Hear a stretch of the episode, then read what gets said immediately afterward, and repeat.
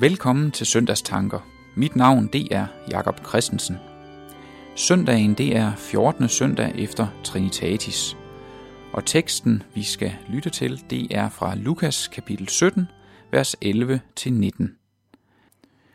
Under sin vandring mod Jerusalem fulgte Jesus grænsen mellem Samaria og Galilea.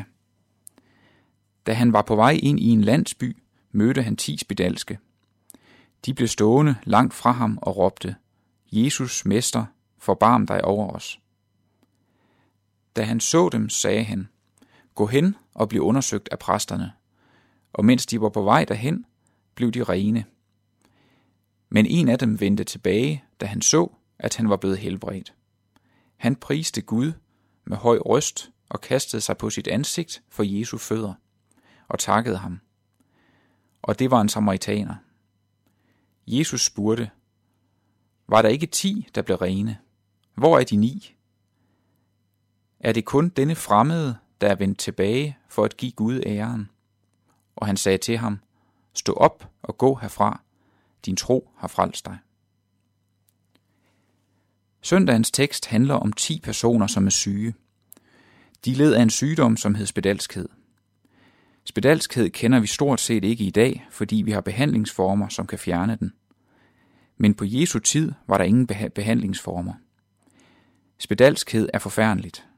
Sygdommen gør, at kroppen lige så stille rådner og lemmer falder af. Samtidig er den enormt smitsom. Det betyder, at de syge ikke må være i nærheden af raske mennesker.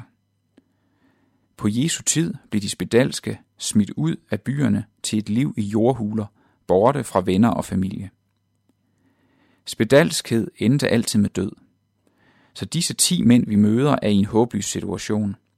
Deres fremtidsudsigt er en pinefuld død, borte fra venner og familie. Midt i det, der møder de Jesus. De må have hørt om Jesus, for de råbte om ham, eller råbte på ham, Mester, forbarm dig over os. De håber på hjælp fra ham. Jesu ord til dem er, at de skal gå hen til præsterne for at blive undersøgt. Det kan virke som en mærkelig ting at sige, men præsterne var dem, som erklærede folk raske eller syge. Det utrolige, det sker. På vejen hen til præsterne bliver de raske. Jesus gør her et under og helbreder disse ti mænd. Man kan sige, at han redder ti dødstømte mænd og giver dem livet tilbage. Nu kan de vende tilbage til deres gamle liv med familie og venner. Det må have været så stort for disse mænd, at vi, som ikke har prøvet det, umuligt kan sætte os ind i det. Alligevel siger teksten, at det var lidt småt med taknemmeligheden, for kun én vender tilbage og takker Jesus. Der står om ham, at han var samaritaner. Samaritanerne var en foragtet folkegruppe, som man på Jesu tid så ned på. Denne samaritaner var altså en forhat fremmed, men han var den eneste, som vendte tilbage til Jesus. Jesus har nogle ord at sige til denne samaritaner – og disse ord er faktisk bedre end de ord, der gjorde ham rask for spedalskhed. Stå op og gå bort, din tro har frelst dig. Det, at manden var blevet rask for sin spedalskhed, var stort. Men selvom han nu var rask, og hans fremtidsudsigter til at dø af spedalskhed var fjernet, så ville døden en dag igen indhente ham. Måske ville han blive syg og dø af en ny sygdom. Derfor er Jesu ord om, at hans tro har frelst ham, meget større og vigtigere. Det at blive frelst betyder, at en anden sygdom bliver fjernet. Det er syndens sygdom, eller konsekvenserne af den. Synden har ramt alle mennesker, og den ender med død og straf i helvedet.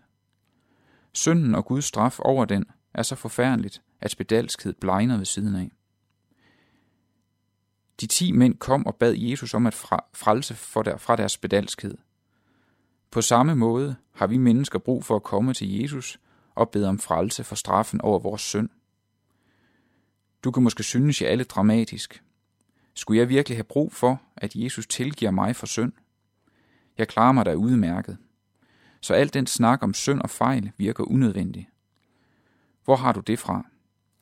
Svaret er, at det bliver jeg klar over, når jeg kigger på mit eget liv. Jeg kender ikke dit liv, men jeg kender mit eget. Jeg ved, hvad der er rigtigt og er efter Guds vilje, det kan jeg læse i min bibel, samtidig med, at min samvittighed fortæller mig det. Alligevel, så må jeg se tilbage på mit liv med stor sorg. For alt for ofte blev det onde og syndige gerninger, som fik lov at præge mig. For jeg havde lyst til det, som er utugtigt, urent, udsvævende, og jeg valgte at lade fjendskab, misundelse, hissighed, selviskhed styre mig. Det var her, djævlen kom med sine tilbud, og de så så lokkende og skønne ud. Og tænk en gang, djævlen han er ikke alene, han har en stærk forbundsfælde, og det er mit sind og min vilje. Den lader sig så nemt friste og overtale til synd. Synden den er som en spedalskhed i mit liv. En spedalskhed, som jeg ikke kan redde mig selv fra. Jeg har brug for en, som kan helbrede mig fra den. Her kommer Jesus til dig og mig med sit budskab. Det er et budskab, som vi kan læse om i en af de andre tekstlæsninger til denne søndag. Og det er fra salme 103. Og herfra vil jeg hive vers 3-5 ud og læse det for jer. Han tilgiver al din skyld, helbreder alle dine sygdomme, han udfrier dit liv fra graven, han kroner dig med godhed og barmhjertighed. Han mætter dit liv med gode gaver, du bliver ung igen som en ørn. Disse vers omhandler Jesus og det, han har gjort for os. Her er der ikke tale om, at han helbreder os for nogle jordiske sygdomme. Nej, han helbreder os for syndens sygdom. Han tilgiver vores fejl, synd og skyld. Og derved udfrier han os fra helvedes grav, som jeg ellers ville være på vej ned i. Det gør han for alle, selvom de i egne eller andre menneskers øjne er uværdige. Han gør ikke forskel, ligesom han ikke gjorde forskel på de ti mænd. Jesus ønsker, at vi skal komme til ham og lægge alt frem. Vi må få lov at erkende for ham, at vores liv er sygt af synd. Det fantastiske er, at så vil han tilgive os og give os det evige liv. Det er et liv, som vi skal få lov til at leve på en ny jord efter dette liv. På den jord, der er det slut med sygdom, synd og død.